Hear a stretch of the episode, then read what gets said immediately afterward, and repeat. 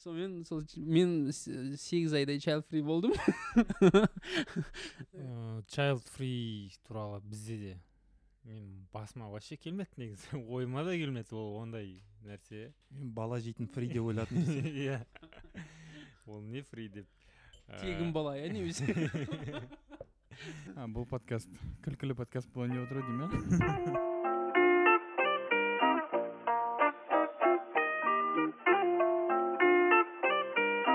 Сәлем сәлем достар. Бұл әке толғағы подкасты. Менің есімім баубек мен үш жасар айсана деген қыздың әкесімін. Бұл подкаст әке мен бала туралы. Төрт дос төрт жас әке өзінің баламен қарым қатынасын бала тәрбиесі туралы толғайтын айтатын подкаст. Ә, барлығына сәлем. Есімім нұрсұлтан. Ә, екі жасар ибрахимнің әкесімін. Ә, бұл подкастта біз әкелік өмірдің қызығы мен шыжығын ә, жалпы қоғамдағы отбасыдағы әкенің рөлін талқылайтын боламыз. Баршаға сәлем менің есімім аян. Осы жақында бір жасқа толған мұхамеджан атты баламның әкесімін. Ә, осы подкаст арқылы саналы әке болуға бір табан жақындайын деген үміттемін. Алғашқы эпизодта үш жас әке болып бастағанбыз. Бүгін бізде тағы бір досымыз қосылды. Сәлем сәлем. Менің есімім аян. Мен жарты жылдық жыл деп айтайын ай деген бес айлық алдияр деген кішкентай бөпенің әкесімін ең жас әкемін. Подкастқа шақырғандарыңа көп рахмет. Өзімнің осындай кішкентай тәжірибемді бөліскеніме қуанамын рахмет. Бір апта өтіп кетті алғашқы эпизодтан кейін ә, бүгінгі тақырып. Жалпы үйленгеннен кейін барлығымыз енді қатар үйлендік қой. Мен карантин дәуіріне дейін үйлендім. Сіздер карантиннің уақытында үйлендіңіздер. Жалпы қыз бен жігіт болып жүрген кезде немесе үйленгеннен кейін ә, келіншектеріңізбен әйелдеріңізбен бала тақырыбы туралы сөйлестіңіздер ме? Сөйлессеңіздер не туралы сөйлестіңіздер? Жалпы ә, үйленгеннен кейін бала болу бірден бала болу міндетті ме? Осы тақырып төңірегінде сөйлесеміз. Және өздеріңіз білесіздер ә, тойларыңызда бәріңізде мынандай тост болған шығар. Жаңа бүгін бала келін болсаң ертең ана келін бол одан кейін дана келін бол ә, немесе тоғыз айдан кейін бір жылдан кейін шілдеханада жолығайық деген сияқты. Жас отбасыға енді тұрмыс тұрған әйел мен үйленген ер жігітке бірден бала болу ә, міндетін тағып тастау қазіргі қоғамда дұрыс па дұрыс емес па осы тұрғылы осы тұрғысынан сөйлессек. Бүгінгі эпизодтың тақырыбы осы болса. Ал кеттік. Вообще дұрыс емес екені анық қой. Го го оның несін талқылаймыз? Жоқ кейбір адамдарға бұл дұрыс болуы мүмкін ғой. Менің ойымша бұл тақырыпта ә, бала жоспарлау бала тілек айту деген тақырыпта балалы бол деген негізі әйел адамға қиын сияқты. Өйткені ер адам бір мысалы бізде қоғамда андай бар ғой егер сендердің отбасыңда бір жарты жылдан кейін немесе үйленгеннен кейін мысалы тіпті кейбір отбасыларда бала күтетін бір екі айдан екі айдан кейін әйелдің іші томпайып шығып тұрмаса ойбай келін не болды? Жаңалық бар ма? деп сөйлескен кезде мысалға біздің үйдегілер де мысалы вот екеуміз үйленіп алматыға кеттік қой. Содан кейін звондап мама сұрайтын еді аян не жаңалық ол не жаңалық деген сөздің астарында бір кәдімгідей типа бала болып жатыр ма деген сияқты сондай болатын бірақ бізде бала бірден болған жоқ. Бұл тақырыпты айтатын болсам мен өзім жиырма жетіге үйлендім жиырма жеті деген жас ол айтса болады рациональный көп ойлайтын кез. Ә, эмоция басылып рациональный ойлайтын кез. Үйленер алдында бізде бұл тақырып қозғалды негізі. Өйткені мен айналамда бұл тақырыпты өзім қозғадым. Себебі айналамда достарымның көбісі үйленіп кетті. Ә, бірге тұрған жігіттер үйленіп кеткеннен кейін балалы бола алмай жүргендерді естисің жаңағыдай кейбіреулер айтады тексеріліп ал деген әңгімелер айтатын. Мен басында біртүрлі санайтынмын кейін өзім жаңағыдай жауапкершілік алып қой бұл менің болашақ отбасы мен бәрібір бала болған қалаймын. Сондықтан бұған мен ертең не дейді реальность ожидание болмас үшін тексерілу керек деген нені мен өзім қозғаған болатынмын. Әйелім екеуміз әсем екеуміз оны талқыладық. Ыыы тексерілдік. Ол енді үйленуге жақын үйлен, уже үйленердің алдында бәрі датасы бәрі келісіп қойғаннан кейін тексерілдік бәрібір. Ыыы мен жаңағы әйелім де өзі өзінің бұрыннан қаралатын дәрігері бар оған тексеріліп жүрді. Ә, мен басында енді ыңғайсыздандым ондай дәрігер барып көрмегенмін уролог қой біздің баратынымыз не істеді ол сізге? в общем ә, негізгі негізгі жаңа основной өзі нелер бар. Ә, ә, анализді тапсырасың содан уже белгілі болады. Сол анализің дұрыс болмаса болды ары қарай уже ә, емделесің жоқ бізге детальдар керек. Плюс он сегіз. Детальдарын қазір кейін айтып жатармыз. Кішкене қыссам айтып жатармын. В общем ол ә, әңгіме қозғалды бір жағынан. Мен өзім морально ә, өзім дайын болдым. Ә, егер болмай қалса күтемін дегендей. Бұйырғаны деген сияқты. Бірақ енді бір жағынан әрекетін жасап не істеді жаңағы тексерілдік та. Ол нәрсені қалай десе болады. Одан кейін сол жаңағыдай ол бір жылдан кейін болады екі жылдан болады уақыт уақыты белгілі болған жоқ. Ну бай дефолт не жаңалық дегенге айту керек болды ғой. Керемет. Менде сәл басқаша. Ә, біз танысқан кезде үйленбей тұрып ә, бұл отбасы ірге іргетасындағы негізгі сұрақтардың бірі болған үшін біз соны алдын ала басын ашып алдық. Әйеліме айттым. Болашақ жарыма ол кезде болашақ жарыма айттым. Балалы болса қанша бала болғанын қалайсың? Лимит бар ма? деген сияқты ше. Қанша бала норм? деген сияқты. Мен енді жалғыз бала болып өскеннен кейін маған көп балалы отбасы болған көңіліме сол жақын. Сол үшін төрт бес бала болғанға мен негізі қарсылығым жоқ. Соған ә, болашақ жарымның дайындығын бір тексергім келді. Ә, ода да ол жағынан проблема болған жоқ. Ә, и сөйтіп ол мәселе бізде тегіс жабылды. Ә, бірақ ә, нұреке сияқты біз тексерістен неден өтпедік? Ә, мен қысылдым. Айтуға да қысылдым.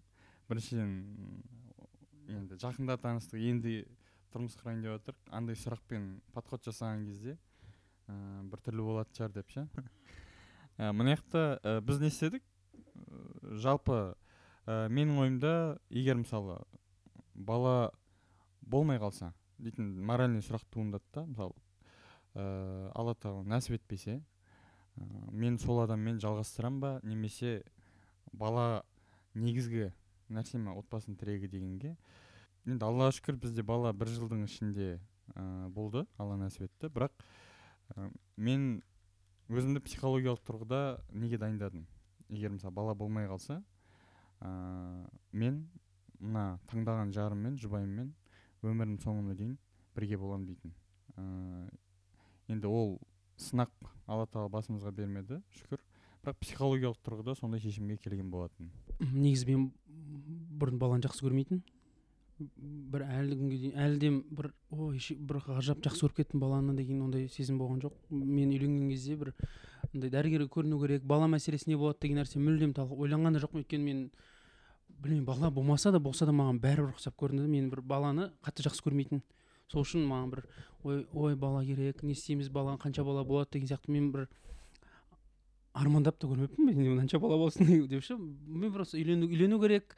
Жаңағы өзің жақсы көретін адаммен біз қанша ботамен жеті жыл жүрдік. Енді үйлену керек болды бірге тұрып бастау керек. Ол оқуын бітірді мен жұмысым кішкене былай аяққа тұра бастадым дегендей. Сонымен бірақ баланы біз жоспарламадық. Бота да бір баланы бір жақсы көрді. Керемет балажан адам болды деп айта алмаймын. Бота өзі былай сәл балаға суықтау еді кәдімгідей мен оған қарағанда балажан қазір қалай? Қазір? Қазір жақсы сияқты. Отыр ғой екеуі білмеймін қалай. Не істейді мен жоқта деп. Ыыы со- бізде со- содан сол үшін бізде ешқашан ол проблема болмады. Ыыы, бірақ мысалы үйдегілер звондап бізде не жаңалық деп сұрағанда немесе бір бала туралы тілектер айтқан кезде ауыр ауыр тимеді бір өздерінің ә, біреудің шаруасына бір мұрнын тыққан адамдардай көрінетін еді да. Не шаруаларың бар? Бала бола ма болмай ма біз жоспарламаймыз ба жоспарламаймыз ба?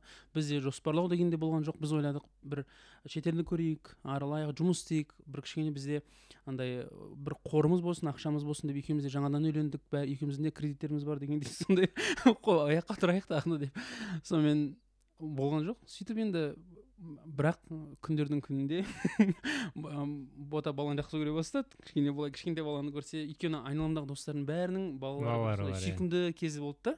Бәрін қарайды қызыға бастайды суреттерде жаңағы инстаграмда рилстарда кішкентай баланың қылықтары күлгендері шығады сонымен бота бұзыла бастады ақырындап баланы жақсы көріп дегендей. Сол кезде енді бір құдай мен сендердің уақыттарың келді баланы кішкене жақсы көресіңдер хотя бы біреуің деп сол кезде берген сияқты. Сонымен аяқ астынан білдік қуандық енді үйдегілер кәдімгідей қуанды. Не дейді ана бас киімін аспанға лақтырған шығар үйдегілер үйдегілердің бірінші немересі болды ғой сол. Бізде бізде тура сондай Иә. болды. Ана хабарды естіген кезде біздің мен мамамның анамның қалай айқайлағанын видеозвонокпен сөйлесіп жатырық қой ана айқайлап ар жағында інім жүгіріп келген ғой не болды біз үйдегілер айтқанда мама посуда жуып жатқан мама мама осындай бізде жаңалық бар деп.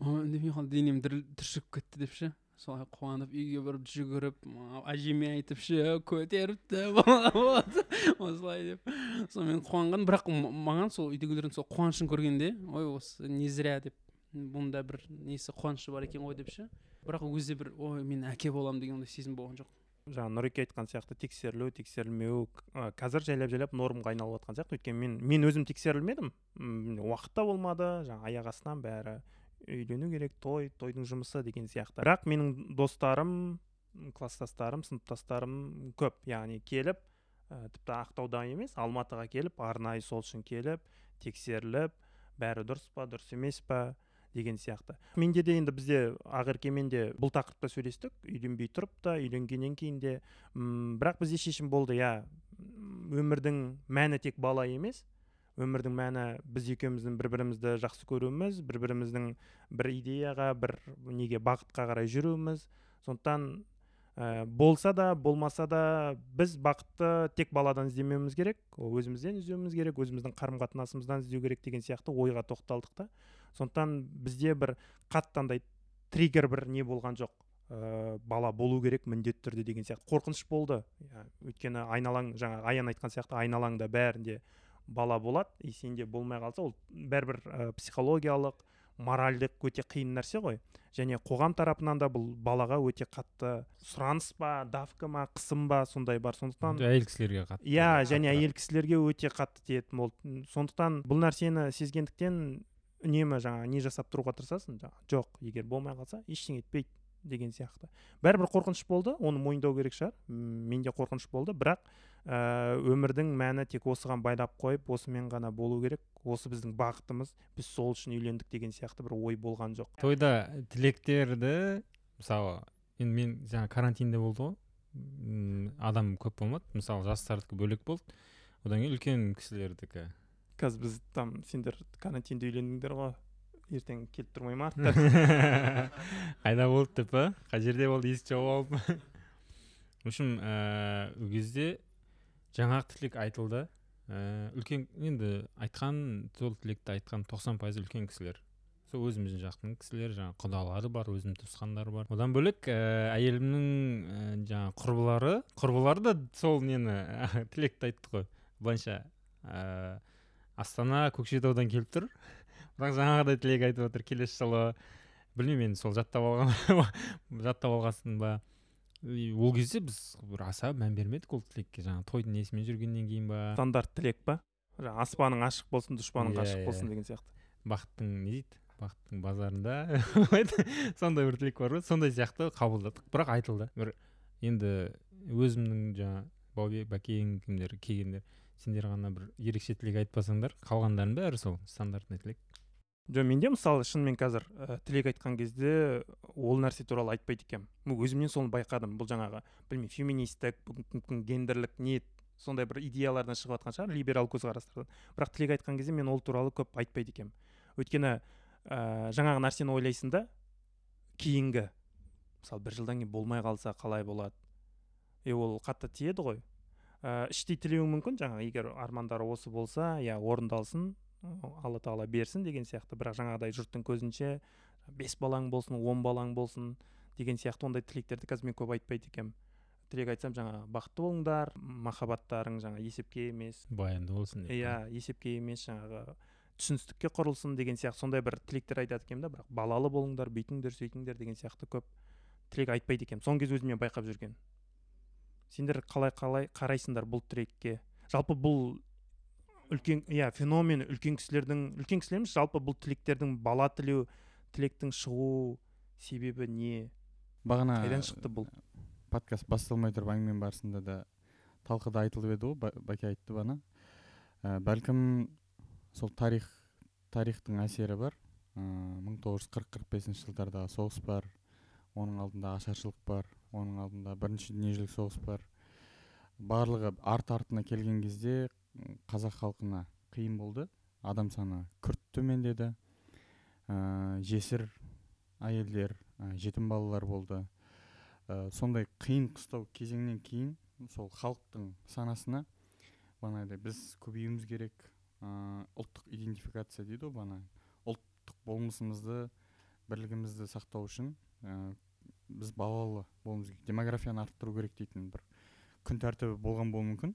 Бейсаналы түрде болуы мүмкін даже. Ол андай біреу келіп насихаттамаған болуы мүмкін бірақ бейсаналы түрде адамдардың санасында болуы мүмкін. Содан қалып қойған не болуы мүмкін? Ә, қазіргі таңға дейін келе жатқан жиырмасыншы ғасырды көрген ә, аға әпкелеріміз сол тілектерінде құндылықты негізгі бала деп ортаға салғандықтан осындай тілектер айтады. Ол жақсы ниетпен айтылады. Ә, бірақ қазіргі жастардың ә, түсінігінде қазіргі жаңа заман буын жаңа заманның жаңа буын азаматтарында түсінік сәл өзгеше себебі жағдай жақсы. Иә мына жерде экономика м, басқаша. жастардың түсінігі сонымен иә экономика енді айтайын деп отырмын. Сол әлеуметтік жағдай экологиялық жағдай сол нәрседе әсер ететін сияқты менің ойымша. Иә ә, енді ең үлкен триггер ә, ол экономикалық жағдай деп ойлаймын.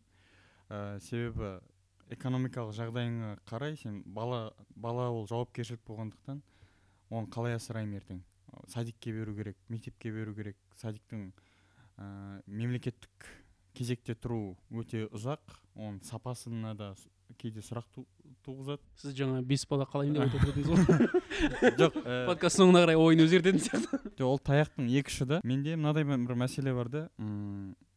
Мен аллаға шүкір туысқандарыммен қарым қатынас бізде жақсы.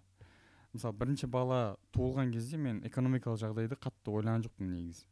Бірақ ыыы шыны керек мындай қуысыңда тұрады ғой миыңның бір түкпірінде. Так бұл баланың ертең памперстері болады не болады экстра ақша қай жақтан шығады деп ше. Бірақ ә, бізге айтатын ана атақты сөз бар ғой ә, бір қой туса бір жусан бір туп жусан артық шығады дейтін. Соған сенгенбіз. Ә, оның өзінің несібесі болады. Ә, оған ризық оған несі? Ә, оның экономикасы оның финансы келеді деп ше? И шынымен де дүниеде көрдік. Ә, практикадан көрдік. Ол маған экстра жұмыс арқылы келуі мүмкін. Ол туысқандар арқылы келуі мүмкін. Ол мына достарымның келіп жиналып бізде күшті бір не бар? Ә, тренд дейміз ба? Не дейді? Дәстүр дейміз ба? Достарымыз тиын тиын жинап әрбір балалы болған. Ә, әкеге каспийіне. Басқа достар бар ма? Сөйтіп жинайтын? Жоқ біздің мына ішкі кругта ә, не онда достарымыз? мен жібергенмін әйтеуір есімде одан бөлек туысқандардан келеді. В общем қазақстанда негізі жағдай мына туысқандық байланыс жақсырақ болған үшін одан уайым азырақ сияқты. А, бірақ мысалы мен жақында европаға бардым. Европада жағдай мүлде бөлек. Әркім өз басын өзі қамтамасыз етеді. Ә, туысқандық нелер байланыстар біздікіндей дәрежеде емес та. Сол үшін олар өте қатты ойланады. Ә, бала болу керек па болмау керек па? Оны экономикалық тұрғыда асырай аламыз ба? Дейтін сұрақтар өте көп. Демографиялық тұрғыдан да аз қарияларды көп көресіз. Мысалы біз бала жоспарламай кәдімгі өзіміздің жаңа үйленгеннен кейінгі бір тәтті кездер болады ғой. Мә біз отбасымыз ба шынымен деп бірге шай ішіп отырып ше. Енді әдетте кездескен кезде үйленбей тұрып кешке кездесесің кездесесің сосын ботаник шығарып саласың ол кетеді. Ана кездесуден кейін ешкім шаға кетпейді үйде бір үйде қаласың.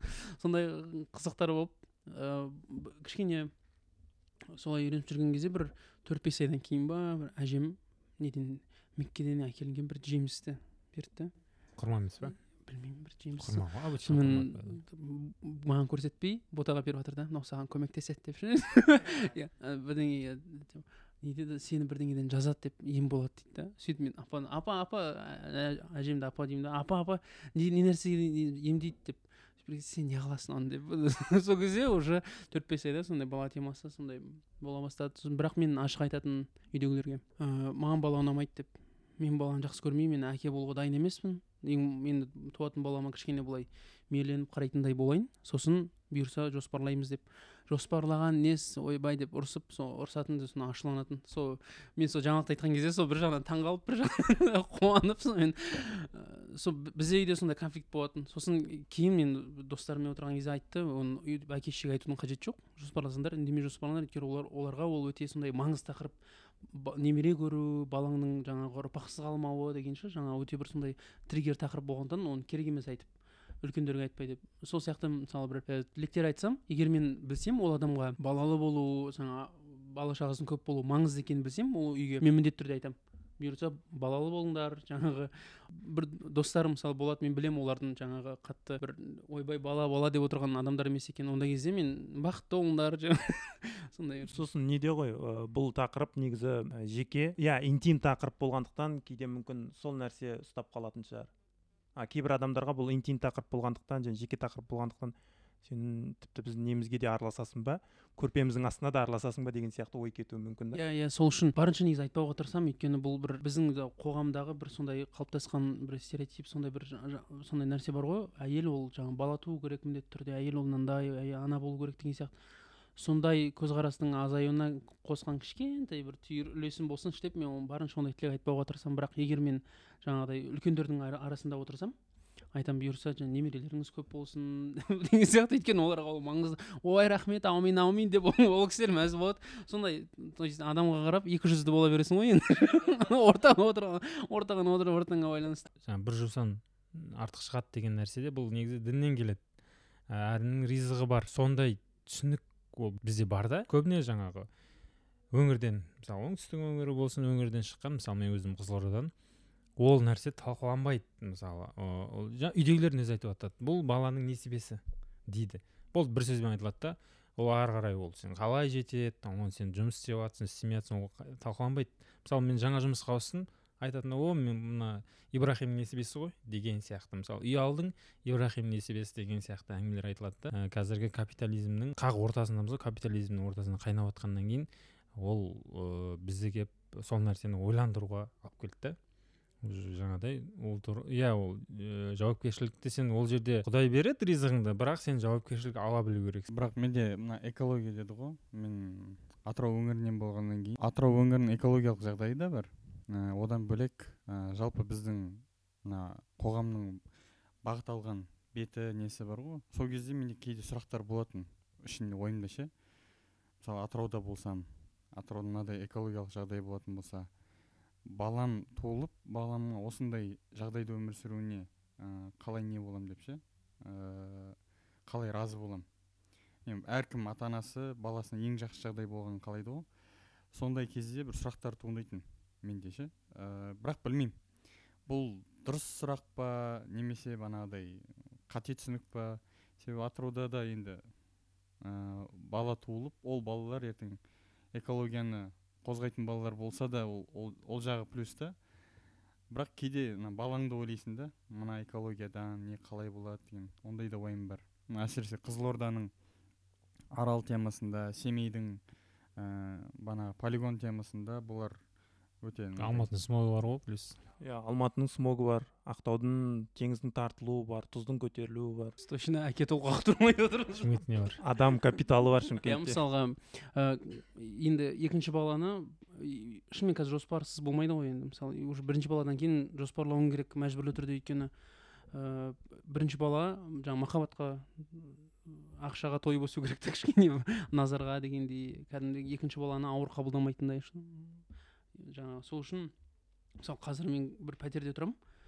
Ол пәтер кішкентай. Мысалы екі, екі адамға ол жақсы.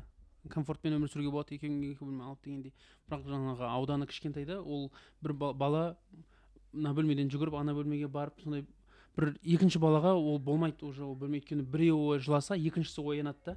Сол үшін біз не жаңағы күте тұру керек екінші баланы тумай. Үй алу керек дейді немесе үй алу керек. Иә сол үшін мәжбүрлі түрде екіншісін жоспарлауың керек сияқты. Мен бір достарым бар. Ә, бірнеше семьядан араласатын. Оларда мысалы екі жыл үш жыл ә, бала болмады ортада. Бірақ ә, ондай темаларда бағанағы не тақырып ә, балалы тілектер ғой. М, немерелі болайық дейтін.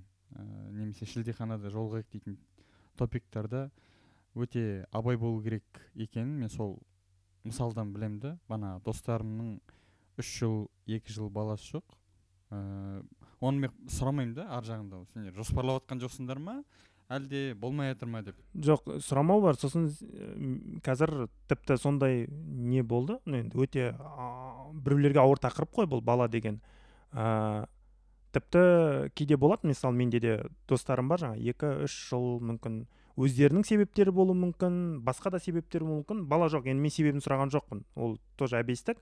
Ә, бірақ ондай ортада сен де өзіңнің балаң туралы айтуға қысыласың. Немесе баласы бар тағы бір үшінші адам отыратын болса онымен бала туралы сөйлеуге тағы қысыласың жаңағы. Менің балам бүйтеді біз бүйтуді үйрендік біз сөйтуді үйрендік. Өйткені ол адамға ол ауыр тиюі мүмкін. Оған нормда болуы мүмкін ауыр тиюі де мүмкін бірақ сен оны білмейсің бірақ сол нәрсенің алдын алу үшін бұл тақырыпта бұл бала тақырыбында ол кісімен сөйлеспейсің. Кейбір тақырыпта адамдардың көңіліне қарау керек қой. Иә иә. Бұл негізі өте маңызды деп ойлаймын. Және қазіргі әкелердің қазіргі қоғамдағы әкелердің осындай жаңағы бір бірін түсінуі қалай айтсам болады солидарити жасауы немесе ә, көңілге қарауы өте маңызды деп ойлаймын. Ә, өйткені иә бұрын бұл қатты не болмауы мүмкін жаңағыдай. Ә, проблема болса да бұған назар аудармауы мүмкін жаңағы басқа нәрсемен аударып жіберіп кетіп қалуы мүмкін. Ә, бірақ қазір бұл өте жеке мәселе адамның жеке проблемасы. Иә. жеке мәселесі. Ыыы барынша қазір қолдау керек түсіну керек дейсің ғой әкелер ә, мен child free туралы айтайын деймін бірақ төртеуміз де child free адам емеспіз ғой енді. Төртеуміздің де баламыз бар. Иә бұл бұл child freeге яғни баласыз ә, өмір сүруге ә, қалай қарайсыңдар қалай ойлайсыңдар ә, және бұндай бір ой миларыңда бүйтіп тыңқ деп бір кез болған сәттер бар ма? Және оған не, не, не нәрсе себеп болды не нәрсе триггер болды? Осы туралы айтсақ. Мысалы менде ондай ой болған жоқ. Ну мүлдем шынымен айтайын. Мен түсіндім бұйырса алла тағала берсе балам болғанын қалаймын. Және оны мен әйеліммен де сөйлестім ол да қалайтынын айтты. Бірақ енді біз санын несін оны ақылдасқан жоқпыз. Бірақ бала болғанын қалаймыз. Яғни child free туралы мүлдем ойлаған жоқпын. Аян ойлаған сияқты меніңше. Иә мен child free боламын деп айтатын айтып жүретін. Бірақ енді оның жоқ сен айтатынсың үш баладан кейін child free боламын деп. Жоқ оны әзілдеп айтатыным ғой. Ыыы мен негізі бір, бір кездері ойланып жүрдім солай болса деп. Бірақ бір философиясына түптеп кірген жоқпын оның маған қалай әсер етеді бізге деп. Бірақ біздің бір үйде біздің отбасымыз шымкенттегі отбасымызда ондай әңгіме болуы мүмкін емес екенін түсіндім. Бірақ алматыда мен жүргеннен кейін өзіме олай ондай күнә жасауды позволять еттім дей ма ыыы мен маған бостандық деген нәрсе бір м- маман ретінде жаңағы бостандық деген нәрсе өте маңызды нәрсе болатын. Мен жұмыс мені жұмысымды өте қатты жақсы көрдім.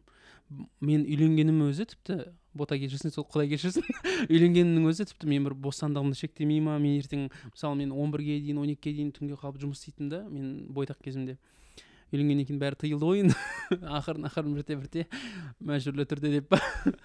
Сол маған сондай жұмыста кеш қалып жұмыс істеп жұмыс жұмыс сол маған жұмыс өте маңызды болды. Ол бала болған кезде ол үлкен жауапкершілік екенін білетінмін да мысалы біз, біздің үйде кішкентай інім мен інім мен уже естияр жасымда туды. Одан кейінгі інім де төртінші інім ә, екінші інім біз төрт баламыз сол екі інім бар. Араларына ұзақ жыл салып кәдімгідей біз баланы көрдік. Ол үлкен жауапкершілік екенін біз көретінбіз. Кәдімгі қарап оны қарап жүріп бір адам болу керек дегендей. Алматыда біз бота екеуміз ғана болғаннан кейін ол кәдімгідей менің жұмысыма кедергі келтіреді деген. Мен сондай бала менің жұмысыма кедергі келтіреді деп сондай ойлайтынмын да. Сосын мен жоқ керек емес керек емес деп солай ойлайтынмын. Сосын «А, айтты ғой керек деп. «Ja- жарайды. Сонымен сол мен сегіз айдай child free болдым. Сол жас child free мен. Үшін ол жақсы да жаман да емес. Ол адамның таңдауы болды. А, бірақ менде мынадай бір ой болды. Яғни маған айтқан ана опытный дейді ғой тәжірибелі ерлі зайыптылар баласы бар ерлі зайыптылар бір жыл қыдырып алыңдар. Ә, сосын барып баланы жоспарлаңдар. Бір жылды немесе алғашқы жылдар өздеріңе арнаңдар. Ана ә, розовый букетный дейді ғой. Гүл жайнап жүрген кездерінде жақсырақ танып махаббаттарын арттырып ә, ел көріп шетел көріп деген сияқты сондай кеңестер көп айтылатын. Ә, мен ол ой ойымнан өтетін ол нәрсе.